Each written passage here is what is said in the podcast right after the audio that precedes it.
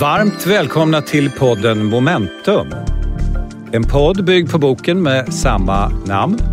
Av mig, Kjell Nordström. Och mig, Per Schlingman. Roligt att se dig Per. Vi har inte sett på ett tag men nu ska vi podda igen och jag vet att du har varit ute och försökt köpa lite konst. Ja, men det gjorde jag redan i somras men jag blev, eh, jag blev lite påmind eh, på Facebook, eh, jag tror att det var igår, som Lia Boysen. Som vi båda känner. Hon är skådespelare men Ja. också, kanske inte lika känt, att hon är både restauratör och gallerist. Ja. Och hon påminde mig om en eh, händelse i somras som var lite intressant och som säger någonting om hur stark konsten kan vara. Det var ju faktiskt så att vi var ett gäng som var, jag tror att det var sista dagen under Almedalen. Så vi var ett gäng hemma hos eh, er. Eh, drack ju lite vin och lite öl och Ja, åt och sådär. det. Och, eh, sen har ju då Lia och hennes man Per Broman, de har något som heter Vår fru i Visby. Så att vi tänkte att ja, men på vägen hem, vi tar en sväng förbi. Därför att Fredrik Wretman, eh, de hade eh, ställt ut hans skulpturer. ja. Och eh, både jag och min fru, vi blev väldigt, väldigt förtjusta i en av skulpturerna. Fantastiska och ganska små. Och sådär. Så att vi, eh, jag, försökte, eller jag, jag uppfattade mig att jag köpte den på stående fot. ja du, du la en beställning. men jag la en beställning som man gör på ett galleri. Ja. En beställning, bla bla, hur går det till och nästa steg och sådär. Men så morgonen efter så eh, tänkte jag så här att vi hade ännu druckit en del vin och sådär. Så jag tänkte jag, ändå, jag skickade ett mejl. För att bara bekräfta att, eh, hej Lia, jag vill bara bekräfta att eh, den här skulpturen igår, att jag köper den. Beställningen ligger. Beställningen ligger fast. Och sen då så möttes jag av tystnad. Tystnad, tystnad, tystnad och tänkte att det här är väl väldigt märkligt. Så här. För jag tänkte ju att eh, hon kanske var lite osäker på om den här beställningen verkligen var på riktigt i och med att eh, det fanns lite drycker med i bilden och sådär. Inte, det var inte överdrivet men ändå. Men, eh, Men tystnad. Ja, men efter något dygn så kom då ett sms. Ehm, Ja, jag har läst det här många gånger för att det, det säger väldigt mycket. Hon skriver så här, jag ska bara läsa några delar av smset och hon har också faktiskt gett tillåtelse till mig att få läsa upp det här. Hon skriver, hej Per. Jag har inte svarat på ditt mess om köp då jag haft sån oerhörd ångest. Jag har inte vetat hur jag ska hantera att inte ha skulpturen själv. Jag har försökt bearbeta tanken att släppa den sprattlande skulpturen. Men jag kan inte. Mitt hjärta går sönder. Jag tror inte jag kan leva utan den. Och det här säger någonting om hur otroligt stark en konstupplevelse kan vara. ja. Eh, och jag vill säga att, att ingen liksom skugga ska falla på Lia. Utan jag sa så här, jag förstår hur viktig den här är för dig. Eh, och även om man kan ju dela på konstupplevelser. Så att eh, låt, du får ha den. Men mot att jag ibland också får dela upplevelser med Att dig. du får komma och titta på den ibland. Ja men precis, men det här säger någonting. Vi hade ju ett avsnitt eh, för en gång sedan om just kultur och kulturens betydelse. Och det här tycker jag sätter väldigt mycket fingret på det. Hur starkt det kan vara så att det tar hela... Men också hur, hur otroligt roligt det är med, med, med den här galleristen som inte kan, inte kan Skiljas. sälja, inte kan skiljas från sin konst. Så att, eh, ja, det är väldigt, väldigt roligt. Men jag vet att du har haft, och kanske lite mer allvarsamt, eh, haft lite kontakt med Ukraina. Vet jag Jag har haft kontakt med Ukraina. Jag deltar i någonting som heter The Global Faculty som med jämna mellanrum erbjuder ukrainare av varierande ålder och bakgrund att då bilda sig. Och vad det handlar om är ju naturligtvis uppbyggnad av samhället nu, men framförallt efter en tänkt fred i Ukraina. När jag deltar i de här övningarna så är det mycket rörande eh, på det sättet att här samlar sig alltså sex, ibland sju, 800 personer ett par timmar, koncentrerar sig, lyssnar, ställer frågor och på ett väldigt systematiskt sätt närmar sig hur ska vi kunna bygga upp våra företag och vårt samhälle redan nu och så snart som bomberna slutar regna. Och för detta tar sig människor tid. Några sitter i skyddsrum, det har förekommit eh, när vi har haft de här eh, sammankomsterna. Och antalet deltagare ökar. Så att för mig finns det en berättelse i det här om hur vi människor normaliserar det mest onormala man kan tänka sig och livet fortsätter. Absolut. Jag tänker också sådär, vi har ju gett ut vår bok Momentum i Ukraina, eh, royaltyfritt och sådär. Att jag brukar ofta tänka på det här, när man är i den pressen som man ändå är, att ändå en krigssituation. tillägna sig den typen av tankar och att fundera på framtiden. Men det handlar väl just om det här, förmågan att normalisera sig. Det som vi också ibland beskriver så förmågan att bli en ofrivillig innovatör. Att under yttre press så löser vi problem. Eh, och jag tror att människan kan ju inte fungera utan att också se hopp. Och antagligen är det här ett hoppfullt möte som vi har. För här finns ju tankar och drömmar om vad ska vi göra sen? Precis. Det är ju i det vi möts. Vi ska också säga att eh, den här podden är samproducerad med bokförlaget Volante. Eh, vi har ju fantastiska samarbetspartners och två av dem kommer att delta De är med oss eh, alldeles idag. snart. De är med oss här och det är Diös och Matting. Vi ska alldeles snart eh, prata med dem. Även TV4 är ju vår samarbetspartner. Kanske dags att gå in på segmentet mikro. Ja, mikro är ju när vi tittar på någonting som till synes kanske är avgränsat och litet, men som kanske berättar någonting om vår värld. Och eh, jag eh, fick ögonen på, och det är, som ekonom är det svårt att inte få det, årets Nobelpris i ekonomi. Vi ska lyssna här på ett klipp. The Royal Swedish Academy of Sciences has decided to award Sveriges Riksbanks Prize in Economic Sciences in memory of Alfred Nobel 2023 to Professor Claudia Goldin, Harvard U University, USA, for having advanced our understanding of women's labor market outcomes. Där hörde vi alltså när Claudia Goldin fick eh, Alfred Nobels pris i ekonomi, som egentligen inte är ett riktigt Nobelpris utan det tillkom långt senare. Det tillkom på 60-talet och heter på svenska alltså Sveriges Riksbanks pris i ekonomi till Alfred Nobels minne. Men de allra flesta upplever det som ett Nobelpris. Claudia Goldin eh, från Harvard har alltså tittat på eh, kvinnors situation på arbetsmarknaden. Hon har gjort en mängd observationer men en av dem som ju bänder kanske vår bild av samhällsutveckling är att hon har lyckats hitta ett samband som är lite överraskande. Det vill säga i länder som Sverige, England, Kanada, USA, men inte minst våra egna länder här i Norden, Sverige, Norge, Finland, Danmark, där man sedan lång tid har erbjudit kvinnor utbildning och möjligheter till högre utbildning så har Claudia Goldin hittat ett intressant samband, nämligen att löneskillnaderna fortsätter att öka bland de högutbildade. Eh, hon eh, forskar på det här. Det här är, är tung forskning naturligtvis, annars får man inte Nobelpriset. Och ställer sig då frågan, men hur kan det vara så? Hur kan skillnaderna öka mellan jurister till exempel? Mellan män och kvinnor. Hon identifierar eh, någonting som hon kallar för greedy work. Greedy jobs. Nämligen att det finns spår eh, som man kan välja som läkare, jurist, revisor. Det finns ju en mängd olika jobb som vi människor kan ägna oss åt. Men några av de här erbjuder det som hon kallar för greedy work, greedy jobs. Det är alltså en typ av arbete där man ställer sig till förfogande 24-7. Mailar på natten klockan 02.30, svarar klockan 04.15 om det kommer mejl och man säljer sig hela dygnet om. Det här väljer männen. Belöningen för den här typen av jobb är inte linjär, det vill säga den ökar inte lite skillnaden om man väljer ett sånt här spår. Den mångdubblar ersättningen.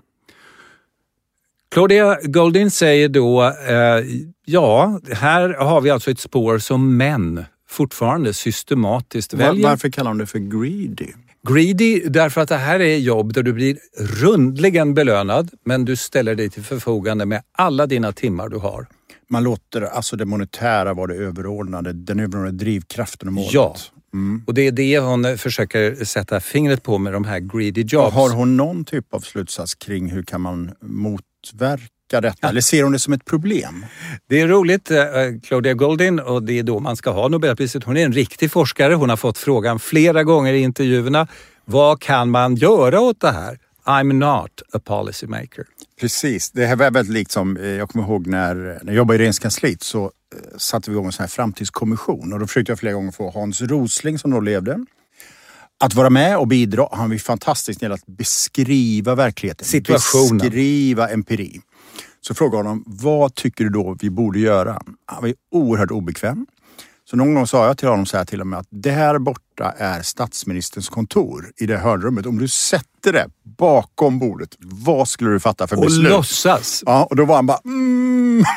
Så att man märkte ju på mig att, att, eh, att... Och jag tycker väl att det här, man ska, behöver inte avkräva forskare heller policyslutsatser. Det är Nej. två olika slutsatser, eller två olika saker. Claudine Goldin förklarar ju fenomenet delvis med att ja visst, även om utbildning nu för män och kvinnor erbjuds på lika villkor och omständigheterna på arbetsmarknaden är på lika villkor så är det inte det hemma. Mm. Jag tänker så här, det, jag har också ett ljudklipp och lite grann tror jag att det är en utav motkrafterna till ehm, högre löneskillnader och annat. Vi ska lyssna här. För vi är tjejer, vi är bäst Så se upp i öst och väst Vi har backat ett tag men vi är front row idag Vi är tjejer, vi är bäst Ja, vi är bäst Det här är alltså eh, Peg Parnevik som eh, i Så mycket bättre tolkar Lasse Holm. Eh, Och först tänkte jag bara, det är en rolig kontrast här när du spelar upp Nobelpriset och jag Peg Parnevik. Jag vet inte om det säger någonting om eh, oss här. Bredd, djup, ja. Bredd, djup. Men det som gjorde att jag... eh, Det jag, det jag skulle vilja lyfta är en helt färsk rapport från Blackrock. Och Blackrock är ju världens största fondförvaltare. Ja, i särklass tror jag till och med. Ja, precis. De har precis släppt en rapport som heter Lifting Financial Performance by Investing in Women. Ja. Och vad de gör i den, det är att de med väldigt stor studie, mycket data, mycket empiri, eh, har tittat på kopplingen mellan kvinnors deltagande i arbetskraften, mångfalden i ledningsgrupper och det de kallar för performance. Och är väldigt tydliga, menar att ett sätt att performa, att, att liksom prestera bättre som företag är att vara mer mångfald. Och de menar egentligen så här att företag som har mångfald i fokus är mer lönsamma. De konstaterar att ju högre upp man kommer när det gäller i chefsnivåer, desto färre kvinnor. Men ju fler kvinnor man har på högre positioner, desto bättre eh, prestation. Och de säger också någonstans, det är väldigt förenklat då, men att om man vill, som amerikaner säger, boost your performance, så är det genom att eh, jobba med mångfald, få in fler kvinnor och så vidare. Och skälet till att jag tror att det är en motkraft, jag tror att det betyder någonting när aktörer som Blackrock agerar. De har makt som ägare, de har makt som opinionsbildare, de har makt att påverka vår världsbild. Och det vet vi, det är världsbilden som påverkar vilka beslut vi fattar. Det är ett investeringstema som Blackrock har hittat här helt enkelt, där man kan förvänta sig lite over return, extra returns. Precis, och det är inte första gången vi nämner Blackrock. Vi har ju tidigare haft med dem när vi har tittat på omställning. Och det är oerhört intressant att, en, att världens största fondförvaltare eh, agerar och ser att det finns det gäller omställning, elektrifiering, kvinnors förvärvsfrekvens. Att det är den typen av faktorer som kommer skapa konkurrenskraft i framtiden. Det är ju det som är det lustiga med en marknadsekonomi, den här ständiga jakthundsinstinkten att leta efter teman, investmentsteman, där ingen har varit och där man själv kan få en tidsfördel. Och det är ju egentligen det som Blackrock gör. Och tänker jag vilka krav de ställer på de bolag de investerar i. Därmed. Eh, och, det- och det tror jag det betyder mycket. Dags att träda in i det som är eh, Dagens tema. tema. Eh, Ett tema som ju eh, vi har berört många, många, många gånger, inte bara vi. Nämligen framtidens arbete och kontor. Konstanten och variabeln. Precis, att, att det som en gång var en konstant, nämligen hur och var vi arbetar, plötsligt har blivit en variabel. Och, eh, vi brukar ju tänka på den här låten 9 to 5. där eh, Dolly Parton sjunger om vedermödorna att pendla till en arbetsplats och det är slitsamt och sådär. För att tjäna pengar åt någon annan påpekar hon också i refrängen. Eh, Och då kan man ju säga att det här lossnade i början av pandemin och nu står vi väl i ett läge när det egentligen finns tre sätt att se på det. Eh, Man jobbar på kontoret, man jobbar helt på distans eller så jobbar man i det som kallas hybrid. Ja. Och då kan man ju konstatera att bilden nu är splittrad. Verkligen. Från att några tog ganska extrema positioner. Det kommer ni säkert ihåg, många av lyssnarna, hur till exempel Spotify var ett av de bolag som hade koppling till Sverige. Work wherever you are. Work wherever you are och gick väldigt långt i att acceptera och bejaka hybridarbete. Vi har träffat många andra företag som tog det nästan till sin extrem och byggde James Bond-liknande lounger på arbetsplatsen för att locka in personerna kanske en halv eller en dag i veckan. Hunddagis. Hunddagis, tvätt, mat, service av allehanda slag. Men nu är det annat ljud i skällan och det kommer från olika håll. Det kommer, Elon Musk är ju på tapeten av olika skäl. Som vanligt. Som vanligt kan man säga, men han har också varit på tapeten här och varit mycket tydlig, Elon Musk-tydlig kan man säga med att alla ska tillbaks, alla ska vara på kontoret, det är här man jobbar och ingen annanstans. Och har man någon annan idé så får man gärna ha det, men inte här. Så det vi kan konstatera är egentligen att, att eh, vi fick rätt i meningen att det verkligen är en variabel. Mycket. Det görs på olika sätt. Man prövar sig fram i olika branscher, i olika delar av landet. Vad vi tänkte göra idag, vi har ganska högt ställda ambitioner med det här avsnittet. Det är nämligen att försöka ta den här diskussionen ett steg framåt. Jag skulle också vilja säga så här att det finns en, jag upplever en fokusförskjutning lite nu. Eh, från också att vi bara pratar om var vi arbetar till att också mycket mer prata om hur vi arbetar. Alltså hur, ah, hur kan vi hitta hybrida sätt att utveckla våra kundrelationer och det som så fint inom liksom handelns värld kallas för kundresan och så vidare. Så att där ser vi också en, en stark variabel. Men låt oss zooma in. Vi ska zooma in på framtidens kontor. Ja. Vilken roll kontoret spelar, hur det kan utformas och är ett kontor ett kontor? Och jag vet att du brukar jämföra kontoret med en TV ja, jag jämförde med en TV efter att ha haft många möten den sista tiden. och många TV. och många TV, många samtal med personer i branschen. Och det visar sig vara mycket förvirrande möten eftersom någon på mötet säger TV-tittandet minskar och menar då naturligtvis det tablålagda linjära TV-tittandet. Men det säger inte personen i fråga. TV-tittandet minskar. Någon annan vid bordet säger det stämmer inte, jag har siffror här, TV-tittandet ökar. Vad personen menar är ju naturligtvis att vi tittar på skärm och vi tittar på Netflix och vi använder skärmar mera. Det vill säga begreppet börjar snart dölja mer än vad det förklarar när man använder ordet TV. Vi behöver helt enkelt börja prata om, som jag vet att du uh, ofta säger, fönster. Precis, jag satt ju i Filminstitutets styrelse ett gäng år och då pratade vi alltid om biofönstret, tv-fönstret, mobilfönstret. eh, Paddfönstret. Ja men precis och någonstans så, så ser vi fortfarande tar till oss dramaturgi och underhållning och sådär. Men vi gör det i olika former. Så tv har blivit ett ord. Och ofta, det här är ju ett problem som vi stöter på med jämna mellanrum när samhällen förändras, att vi har ett begrepp för något, eh, språket. Men eh, sen ändrar sig tillvaron. Och tillvaron är så att säga någonting annat. Eh, Skatteverket har till exempel slitit en del med frågan om vad är en familj i ett modernt samhälle så att säga. Vi använder begreppet familj och då tänker man mamma, pappa, barn och så och så, en hund kanske. Men eh, en familj kan ju se ut på väldigt många sätt idag. Bara parentetiskt där så var jag med i ett tillfälle ganska nyligen när vi började prata om män och kvinnor. Ja. Men vi konstaterade ganska snabbt eh, att eh, män och kvinnor finns inte. Det finns däremot mans och kvinnokodade namn.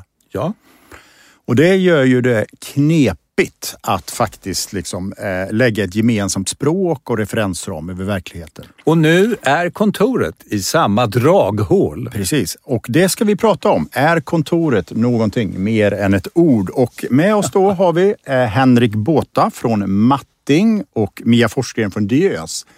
Tänkte börja hälsa dig välkommen Henrik. Tack så mycket. Direkt från Lerum. Exakt. Och eh, företaget ligger ju i Allingsås. Mm, berätta lite grann om Matting och gärna om dig själv. Mm, Matting är faktiskt 50 år eh, gammalt i år, så det har funnits ett tag. Det som vi jobbar mycket med, förutom mattor för olika miljöer, är just flexibla arbetsplatser och lösningar för, för dessa. Och det är klart att de har ändrats väldigt mycket de senaste åren. Eh, vi har gjort detta i tio år ungefär. Eh, och det har hänt mycket på den här tiden. Men jag tror att det kommer att hända ännu mer kommande tio år. Mm, och bara för att en liten eh, försmak här. Ja, en Är- teaser. Är, är kontor mer än ett ord? Ja, alltså kontor tror jag betyder lite olika för olika generationer. Mhm. Eh, så. Jag gillar mer att säga arbetsplats. Eh, någon, om någon ringer till mig och så säger de, hej, är du på kontoret? jag förstår. det kanske jag är. Det finns ett annat, det finns ett annat sammantagande tema som inte alls med, med dagens huvudtema att göra med, med, med både dig och Mia. Det är att idrott är viktigt för er vet jag. Du har ju tidigare spelat golf, eller hur Henrik? Ja, stämmer. Till och med i touren, är det inte så? Ja, nu ska vi inte... Men, jo, men jag, jag har spelat ganska mycket. Eh, så. Men, eh, och jag är väldigt imponerad av dem som, som kommer långt. Eh, jag kom själv en bit på vägen, Mm. Hur långt kom du då? ända fram. Som junior så, så, så vann jag SM. Ja, Mm. det får vi gratulera. Lite sena på bollen är vi, men eh, vi gratulerar. Mia Forsgren, du har ju varit med tidigare. I, bland annat så berörde vi de här teman, men mer kopplat till ledarskap eh, när vi sände live från Almedalen i somras. Vem är du eh, och vad är Diös? Men vad härligt. Först och främst så kul att vara med igen. Det är fantastiskt. Jag måste säga det, ni är ju grymma på att trendspana och plocka ner klokskapen i det och sen skapa samtal runt det här. Det är det som är så otroligt viktigt. Så det är ju häftigt. Så inleder med Stort det. tack. Tack. Eh, Mia heter jag som sagt och eh, jobbar som kommunikations och digitaliseringschef på Diös. Diös är ju ett av Sveriges största fastighetsbolag. Vi sticker ut så tillvida att vi är att betrakta på geografin norra Sverige. I det här fallet är norra Sverige från Gävle upp till Luleå. Eh, och det är ju som det har pratats väldigt mycket om det senaste halvåret skulle jag säga. Det är ju Europas hetaste hotspot för tillfället. Så tillvida att det investeras enorma summor i framförallt vår basnäring, alltså industrin, de tunga lirarna som har funnits länge. Eh, och sen är det ju då en hel del nytillkomna eh, bolag eh, som på, på något sätt hänger ihop med den gamla industrin och eh, trycker på den här gröna omställningen. Och mitt i allt det här, i de här tio städerna där vi finns, där ser vi till att skapa attraktivitet så att folk vill flytta in och stanna. Eh, Min bakgrund är, är egentligen en helt annan. Nu är jag extremt glad att få jobba i fastighetsbranschen för att det är ju, man inser det att det är en enorm påverkan på hela Sveriges ekonomi. Fastigheter alltså. Eh, och det har hänt så otroligt mycket. Jag har jobbat här nu i sju år ungefär och eh, under den resan har inte ett år varit det andra likt. Häftigt. Min bakgrund är en helt annan dock. Jag kommer från eh, musikbranschen, apropå Spotify som ni nämnde här tidigare. Ehm, och har jobbat med hela, hela resan kring musikutvecklingen. Ja, jag tycker Så, det är ja. otroligt intressant att komma från en bransch som man kan tycka är väsensskild. Men som ju inte alltid och helt och hållet är väsensskild. Därför att det är väldigt mycket samma typ av logik och det som skapar attraktion och relation mellan människor och så.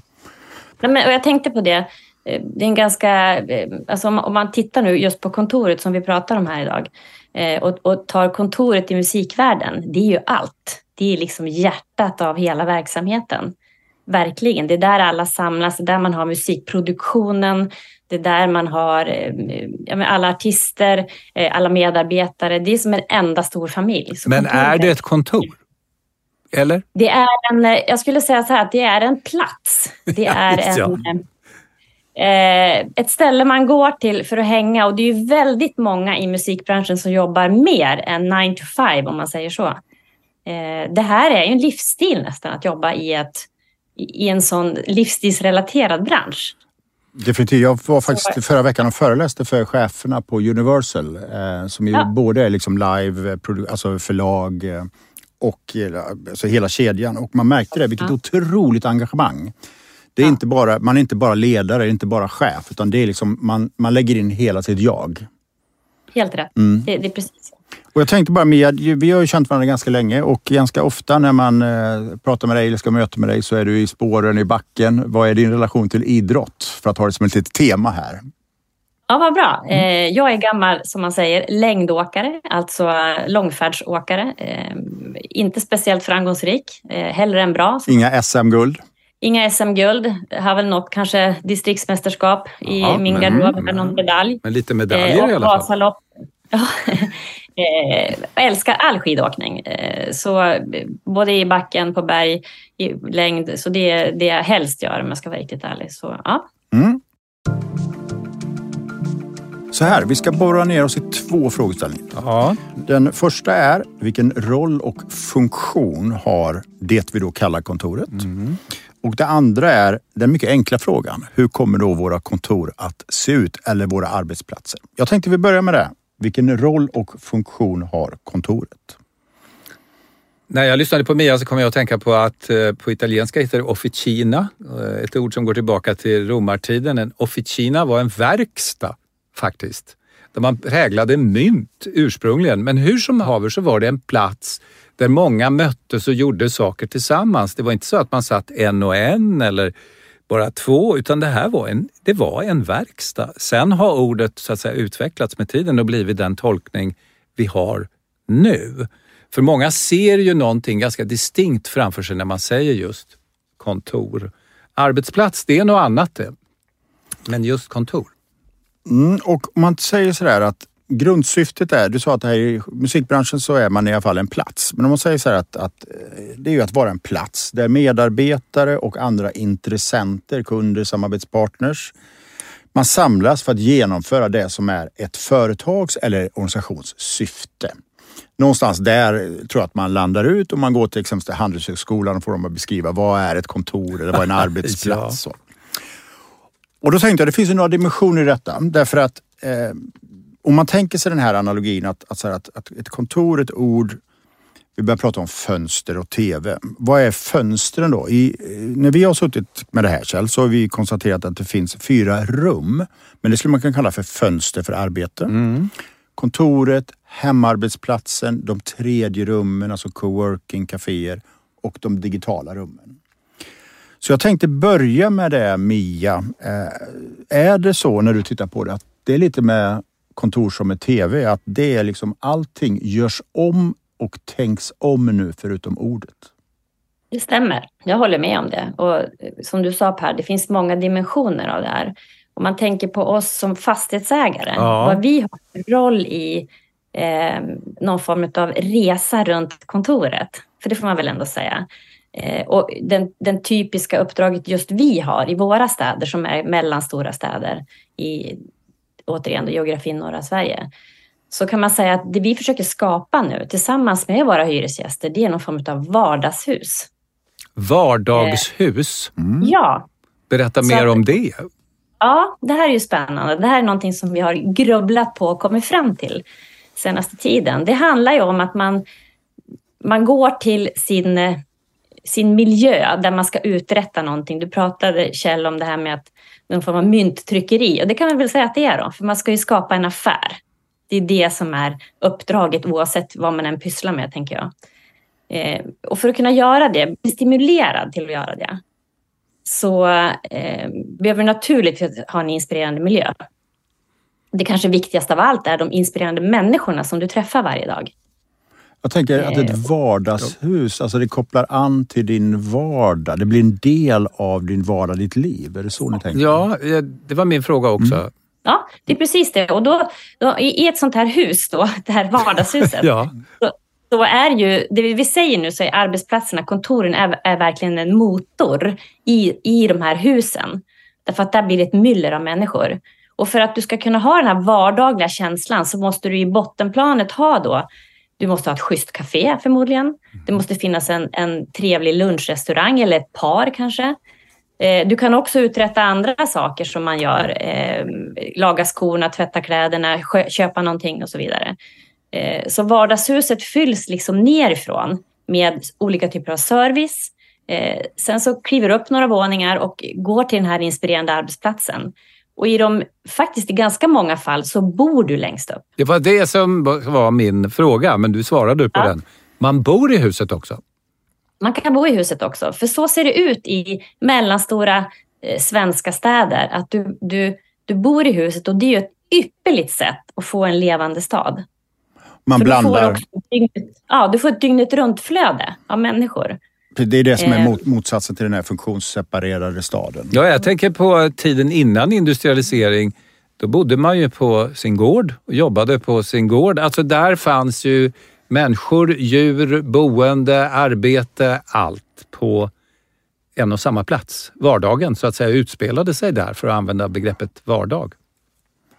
Man kan ju tänka sig att någon, någon går till jobbet då på morgonen, köper med sig en kaffe ehm, eh, och man, man landar i det här huset och gör, i den här miljön och jobbar och uträttar det man ska affärsmässigt.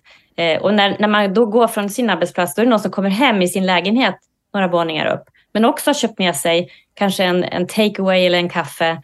Eh, ja, men ni ser bilden framför er, Ja, tänker jag. Definitivt. Ja. Jag tänker så här, ni har ju väldigt många hyresgäster som hyr Mm. kontor i fastigheter som ni äger. Ja. Eh, och därmed har du en väldigt bra överblick. Eh, och den Mm. tänkte jag vi skulle stanna lite vid. Vad, finns det några tendenser du ser nu i hur tänker de som är era hyresgäster? Ja, den, första, den första tendensen har vi har också rört oss med våra hyresgäster kring frågan, kommer man sitta hemma, kommer man vara på kontoret, kommer man vara hybrid? Och i våra fall, i, i de allra flesta fall ska jag säga, så är det väldigt mycket vara på kontoret eller hybrid. Den där känslan av att bara sitta hemma, den existerar inte i så stor omfattning. Den kan vi ta bort för, rent Den kan- ja, men- praktiskt. Mm. Faktiskt, helt ärligt. Sen kan det vara många som reser av den anledningen då har en hybrid. Eller en, en, man sitter borta längre tid så att säga. Men, men de flesta människor går till jobbet och då finns det ett ypperligt tillfälle att skapa den där inspirerande miljön. Så det finns inga Eh. tendenser som man i större städer pratar man ganska mycket nu om att man kanske förflyttar sin lokalisering till platser som är mer attraktiva. Men också minska storleken. Vi, vi ser faktiskt inte det. Eh, och det jag, jag tror, jag ska inte säga att jag är säker, jag tror att det har att göra med att rörelsemönstret under hela pandemin faktiskt, eh, och framförallt efteråt, den har varit det att väldigt många människor har valt att gå till sina arbetsplatser. För pendlingsavstånden är inte en, ett problem.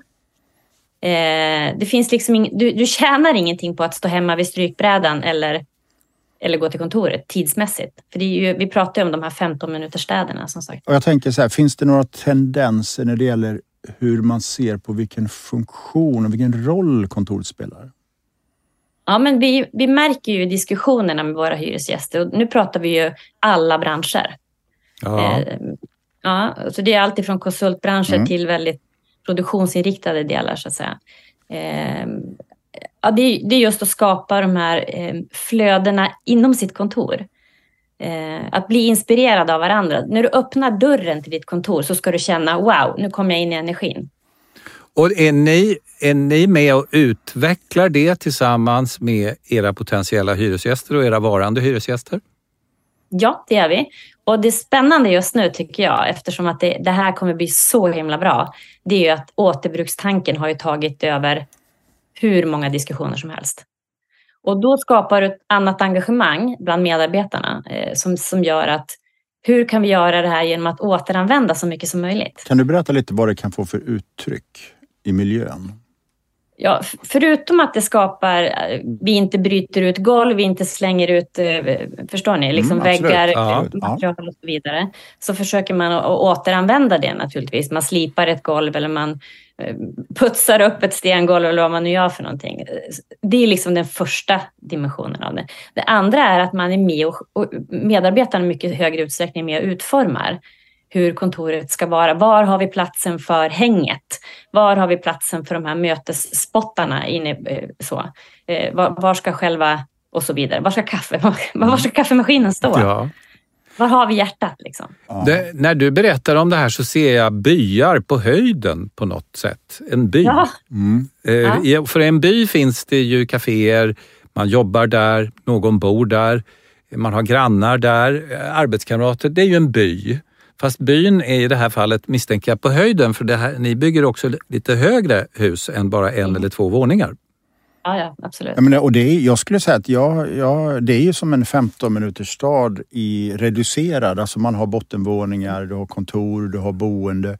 Du har en plats utanför med naturupplevelser, du har återbruk, trygghetsfrågor. Du har liksom allt det som spelar roll för oss människor reducerar du ner till en plats.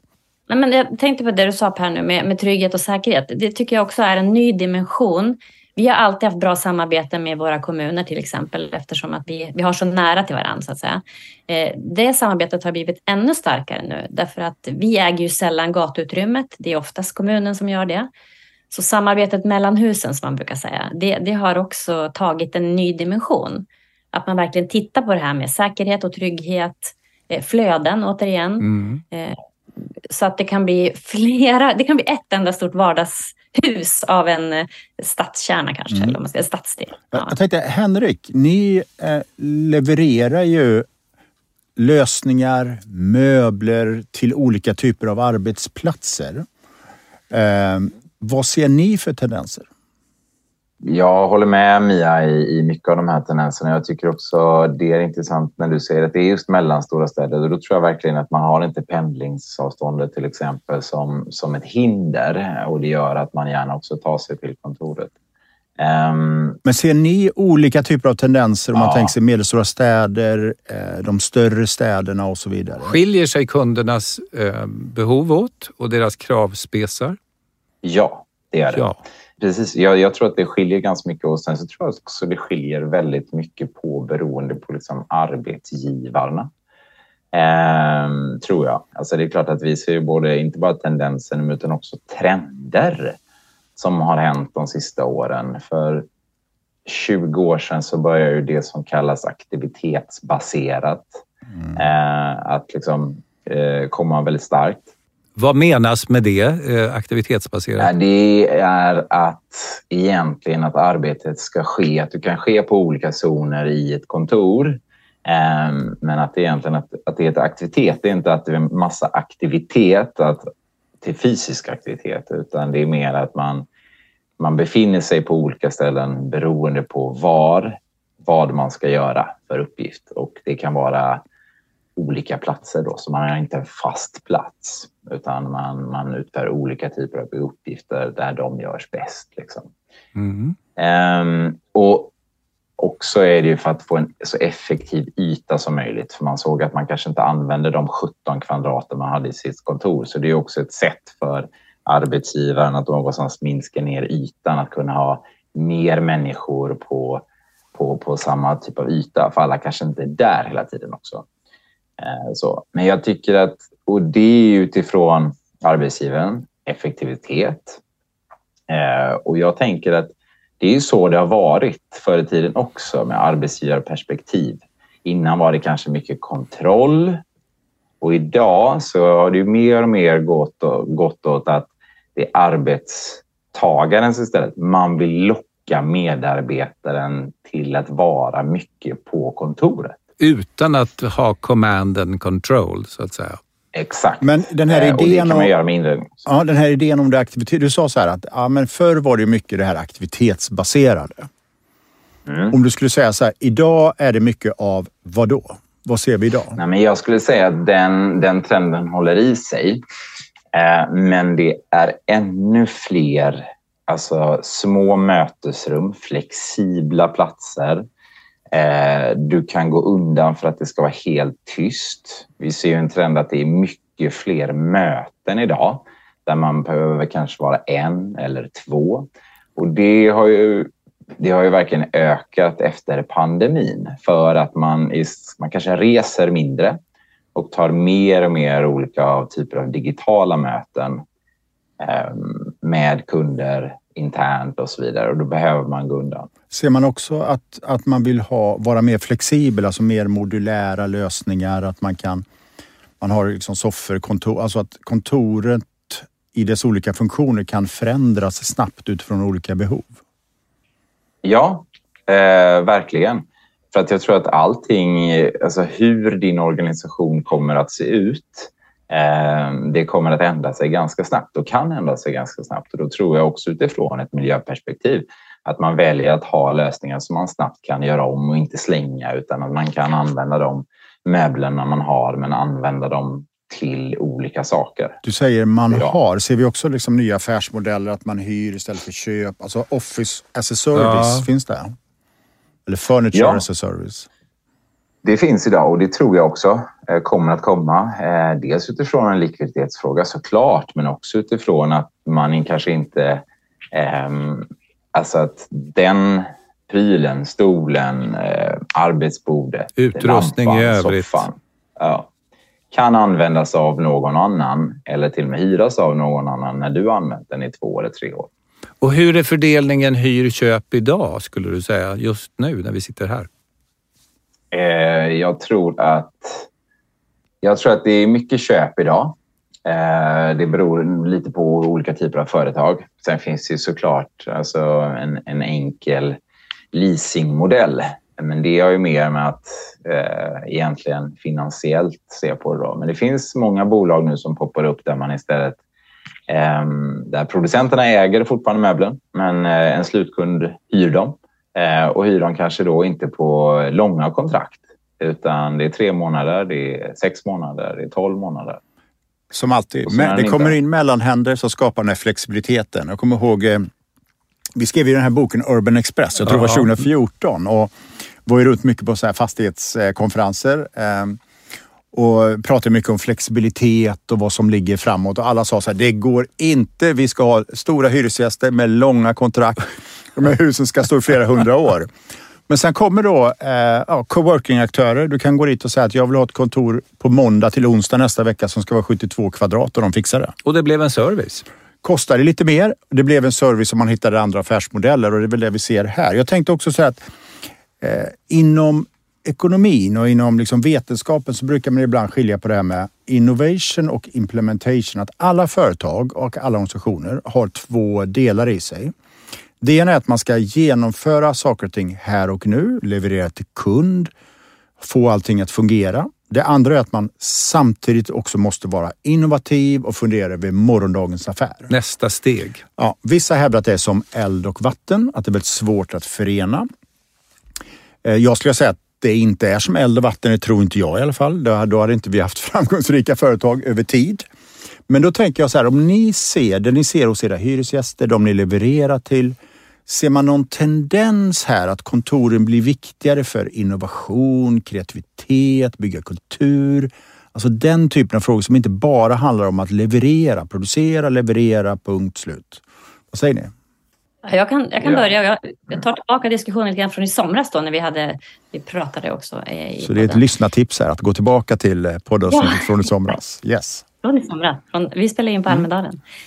Det vi ser handlar jättemycket om ledarskapet. Eh, att, att, att det skulle vara eld och vatten, de här två dimensionerna av varandra. Det, så kan det nog vara inom vissa företag, varumärken, branscher, tänker jag. Eh, där blir ledarskapet otroligt viktigt. För det är de företag som aldrig har ägnat sig åt R&D eller innovation eller haft någon sån peng, tid avsatt eller så vidare. Eh, här eh, i konkurrenshänseende så måste man springa ikapp. Och då gäller det att ha en modig ledare som också ser det. Hur ska man förena de här två världarna om man nu tycker att det är så långt ifrån varandra? För vissa företag är inte det, men i ganska många faktiskt. Eh, Så, så ledarskapet, att skapa kulturen på kontoret där man jobbar, nu ska jag använda ett konstigt ord, tvärfunktionellt. Det vill säga I man vardagshuset. bryter I i vardagshuset. Tvärfunktionellt i vardagshuset. Och det här, det här tänker vi jättemycket på som varumärke och bolag. Hur ska vi nyttja alla kompetenser vi har i bolaget på lite annorlunda sätt? Man behöver bryta mönster, kliva in i olika typer av grupperingar. Eh, och då krävs det ett modigt ledarskap för att just kunna se de här delarna. Kunna lägga lite extra tid, ta några timmar här och där för att foga ihop det här gänget. För det vi vet och det vi ser och vi har goda exempel på Eh, det är både hyresgäster och, och eh, av egna erfarenheter att när man lyckas så får man just den där effekten av ett plus ett blir någonting annat än två. Men när jag hör dig berätta Mia så tänker jag på företag i andra branscher som har berättat för mig att Ericsson till exempel innehöll för ett antal år sedan all kompetens för att också driva en operatör.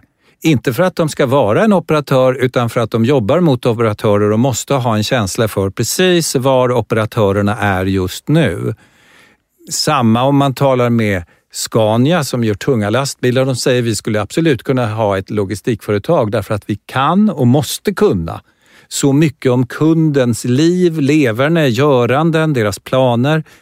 Och nu berättar du att det håller på att hända er också. Och, absolut, och det är att, att vi pratar någonting som vi, att förstå kundens affär. Förstå kundens affär, men jag tolkar det också lite som ett sätt att faktiskt frigöra medarbetarnas potential. Yes, Där spelar kontoret och ledarskapet en roll. Henrik, vad säger du? Känner du igen Ja. dig i detta?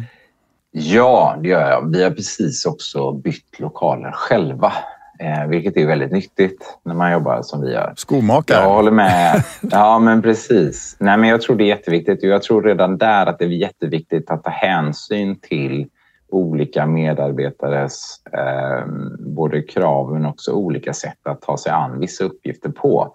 Eh, modigt ledarskap pratar du om, Mia, och jag tror att det är rätt. Och jag tror också eftersom vi har nu vi har alltid haft olika generationer som, som jobbar med varandra.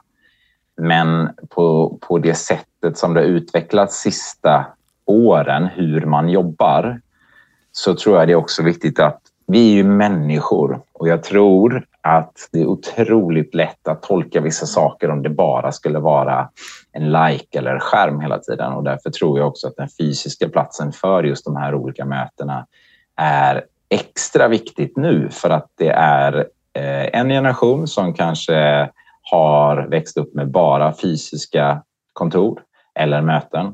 Eh, och det kommer en generation nu där det är väldigt mycket digitalt och då behöver man liksom kombinera ihop dem och det är då jag tror att det kan just uppstå väldigt bra möten och de behöver vara fysiska. Det vill säga värdet på det här mö de här mötena har stigit ju mer teknik vi börjar ta i anspråk, om jag förstår det rätt.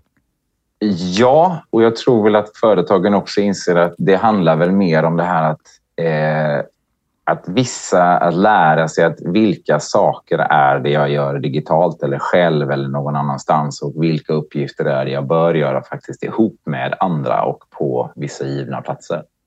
Eh, och det tror jag är viktigt för då ledarna, precis som Mia, att förstå vilka saker och vilka uppgifter det är det vi faktiskt gör tillsammans. För då skapar vi någonting som, som blir mycket bättre. Jag får en misstanke, men den ligger långt in i framtiden. Om det blir så här som ni båda beskriver, då kan man misstänka att det dyker upp specialiserade fastighetsägare och kontorsutvecklare som är inriktade på vissa branscher eller verksamhet, för de kan så mycket om just de branscherna och den verksamheten att där är man en riktigt bra partner. Det finns sen... Ant- precis, antingen fastighetsägare eller mellanhänder. Eller mellanhänder. Det är en väldigt intressant idé det här att så här, kanske vara specialiserad på att skapa liksom maximal kreativitet, innovation, Ja. eh, kundrelation, vad det kan vara. Så att, eh, men, men Mia, märker ni den typen av tendens att för er krävs det en ny typ av kompetens att förstå kundernas behov när det gäller kontoret? Absolut, Och vad- vi gör det. Och Om du skulle säga så här, vad finns för typ, om man skulle segmentera lite. Om du, om du nu här på liksom 24 sekunder ska skapa ett bolag som ska specialisera dig på bara detta. Vad skulle du ha för affärsområden? exempelvis, om man börjar med en bransch, så skulle jag rikta in mig på typ teknikkonsulter. Eh, de, eh, det finns många i en mellansvensk storstad. Night Tech och liknande. Ja, det kan vara ABB, det kan vara Sweco. Alltså, det finns en uppsjö. Om ni tänker er då att Skellefteå är en sån typisk stad där de flesta teknikkonsulter finns representerade idag. De slåss om samma kompetenser, more or less. Här gäller det att varumärket verkligen kliver in och blir det som man själv som ledare tror på. Eh, och, och här kan ju vi vara en stor del av hur de ska tänka. Eh, det, Skellefteå är ju en, en superväxande stad, men den är ju inte jättestor, så att man, man blir ju grannar med varandra dessutom. Och många blir hyresgäster till er. Ja, vi har jättemånga, vilket är fantastiskt. Och det är en fantastisk möjlighet för oss också att kunna att få, få leva nära en specifik bransch för att också förstå vad kan vi göra som mest nytta. Men får jag fråga, Eh. då, om ni har flera teknikkonsulter som eh, hyresgäster, det vill säga till och med kanske ett och samma fastighet. Ser de varandra som, tänker de mer i termer av samarbete än konkurrens? Jag ska inte, jag ska inte svara å deras Nej. räkning, men jag känner så. Alltså, vår uppfattning är att man ser varandra som kollegor snarare än konkurrenter. Eh, Det är väldigt intressant tycker jag hur, hur Ja. hela liksom synsättet på sig själv och sina medarbetare är på väg att förändras. Det, för det finns en dimension som vi inte har lyft än, som jag bara tänkte säga. Det är det som pågår också säkert i hela Sverige. Nu kan ju vår marknad mycket bättre och det handlar ju om den internationalisering vi ser. Vi vet ju det att det ska flytta upp jättemånga människor till norra Sverige och de kommer inte komma från Sverige. Till största delen så kommer vi att, rekrytera från andra länder. Ja. Vilket i sig är väldigt spännande, vilket också ställer högre krav på det, det vi pratar om här med, med kontoret, kontorets utformande. Vad är det man går Tydlighet. igång på? Tydlighet. Vad ska det finnas för service runt omkring? Hur bor man? Alltså det är jättemånga dimensioner. Så den här internationaliseringen som inte har varit vanlig då i norra Sverige tidigare, den är ju en... Där måste vi också som, som bolag kliva in och förstå. Vad betyder det här? Mm, om internationalisering är en sån där fråga man ser spelar roll och blir viktigare och den, Ja. den kan vi prata länge om. Med globaliseringen som idé och vad som händer och sådär. Jag tänkte en annan dimension är ju hälsan. Jag vet att Henrik från Mattings sida så vet jag att man har jobbat mycket med hälsodimensionen på olika sätt. Att skapa aktivitet både i kontor men även i, i klassrum och så vidare. Ser du ett, att hälsodimensionen är och har blivit viktigare? Ja, eh, det är den. Men jag tror att just eh, alltså hälsodimensionen har blivit bredare eh, idag än vad det var kanske tidigare. Eh, alltså det är inte kontroller. Det är kanske inte liksom ett besök hos en viss person för att få några värden, ett gymkort, utan mer det också Mia är inne på där, att du skapar en, en, en hållbar och hälsosam vardag eh, så att du får ihop alla dina delar. Ehm, sen tror jag att det är otroligt viktigt med då i detta eh, såklart, alltså stillasittandet. Eh, Det är oerhört viktigt att vi inte liksom blir stillasittande eh, i mångt och mycket. Att vi faktiskt har möjligheten att liksom röra på sig och vara flexibla. Men jag tror att hälsa i stort är mer utifrån eh, ett större perspektiv idag.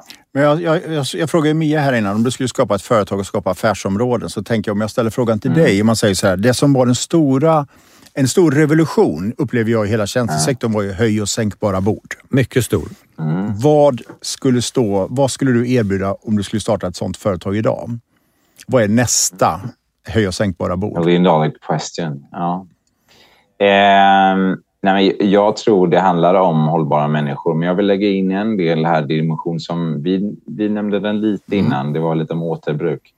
Men jag tror miljö. Och här, här vet vi inte riktigt vad det är som, var vi kommer landa, tror jag. För att det kan ju komma trender. Alltså utifrån- själva arbetsmiljön pratar du om. Nej, jag tänker på miljöfrågor, Miljöfrågor. och olika lagar. Ekologiskt Ja. ansvarstagande. Mm. Precis. Och snart kommer det ju införas inte bara liksom direktiv för att, vi, för att vi faktiskt vill eh, förändra och göra det bättre, utan det kommer komma lagar som kommer påverka otroligt mycket eh, utifrån alltså produktions, produktionsnivå. Det är ju därför vi också ser en jättestor boost uppe i, i norra Sverige, men på hela liksom branschen, vad man faktiskt får eller kan leverera. Och en annan transparens, tänker jag. Ehm, där det blir jättetransparent med de digitala produktpassen och så vidare. Ehm, och där tror jag att det kommer finnas många möjligheter. Jag tror att ne, ne- netto noll som ett begrepp kommer att bli helt avgörande också för kontoren. Och hela den här omställningen som är en drivkraft för utveckling ser man ju även här. tänkte bara replik till Henrik där. Jag tycker också det du lyfter med liksom hälsoaspekten eller hållbarheten och kombinationen av det är ju, jag håller verkligen med. För att det är ehm, det blir också allt tydligare, inte bara för att vi etablerar fler gym, vilket vi gör, det är ju fantastiskt bara i sig, det så att säga, utan också hela eh, vad ska jag säga, hur, hur är jag på arbetsplatsen, kontoret, platsen utan att bli trött? Hur får jag energi? Liksom precis det som Henrik jobbar med, tänker jag. Eh, och det är en jätteviktig aspekt eh, Mm. För att hjälp, hjälpa till. Ja. precis. Och ett tema som vi inte berört men som ju är väldigt kärt för oss det är ju att också ha arbetsplatser som är lärande. Ja, Och att lärandet i sig, det är det som, som gör att man utvecklas som kunskapsföretag och eh, faktiskt tar vara på potentialen.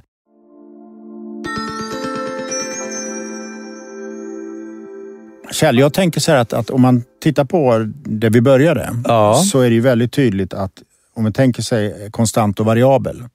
Allt det vi pratar om stärker ju tesen om att vi är inne i en total variabel. det har gjorts om från någonting som var givet och konstant till att det verkligen rör sig på det här sättet som ni beskriver. Men det jag också hör, jag försöker höra bortom vad orden som far genom luften, är hur ni håller på att förvandlas till kunskapsföretag.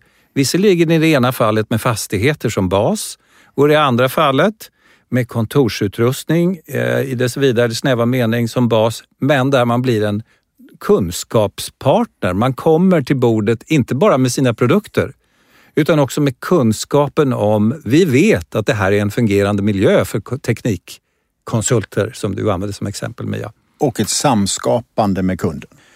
Jag ser att eh, tiden Flyger. flyger, rinner. Eh, lite som Ranelid. Han, eh, vi brukar ju eh, referera till honom ganska ofta. Att han, han har ett ständigt flöde, ungefär som vi haft det idag. Och ibland säger han att ibland måste man tyvärr sätta stopp. Då tycker jag vi tackar er så väldigt, väldigt mycket. Mia Forsgren från Diös, Henrik Båta från Matte. Vi tackar er för det här samtalet. Vi tackar er för att ni är samarbets- samarbetspartner till podden. Och eh, därmed säger vi tack och hej. Tack. Tack så Tack. mycket.